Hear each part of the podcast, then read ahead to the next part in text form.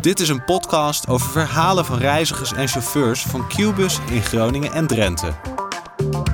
Het volgende verhaal is van Erik Sloots, buschauffeur bij Qbus in Pekela. Ik was stom verbaasd. Als buschauffeur doe ik mijn best om op tijd bij het station aan te komen, zodat reizigers hun trein of busaansluiting halen. We zijn een dienstverlenend bedrijf en daarom streef ik ernaar om het de reiziger zo aangenaam mogelijk te maken. Sommige mensen zien je drijfveer en dat zorgt soms voor leuke verrassingen. Zo zat ik op mijn vijftigste verjaardag op het station in Winschoten. Lekker in het zonnetje te wachten tot ik kon vertrekken met lijn 12. Terwijl ik een sigaartje rookte, kwamen er twee oudere dames bij me zitten. We raakten in gesprek.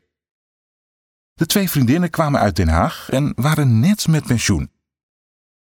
Ze zaten samen een weekje in een vakantiehuisje in Bellingwolde. Hoe lang moet u nog werken? vroeg de ene. Ik vertelde dat ik op de kop af de bus nog 18 jaar zou besturen. Prompt reageerde de andere. Bent u dan misschien jarig? Ik knikte. Spontaan begonnen ze voor me te zingen. Lang zal hij leven, lang zal hij leven, lang zal hij leven in de gloria. Een half uurtje later stapten ze uit op hun vakantieadres in Bellingwolde. Een van hen gaf me vijf euro. Dit is voor uw verjaardag, zei ze met een brede glimlach. Ik was stom verbaasd. Vervolgens reed ik de straat uit, waarna een man mij samen met zijn zoontje bij de volgende halte aanhield. Toen de deur openging, riepen ze in koor: Gefeliciteerd, hè? Ik vroeg verbluft: Hoe weten jullie dat?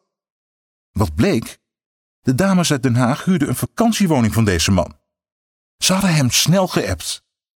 Dat vond ik hartverwarmend. Toen vroeg hij: Kan ik je nog een vraag stellen over de OV-chipkaart of heb je haast? Ik zei: Haast? Op mijn vijftigste verjaardag? Nee hoor, vraag maar raak. Dit zijn van die gouden momenten die ik zo nu en dan op de bus mag meemaken.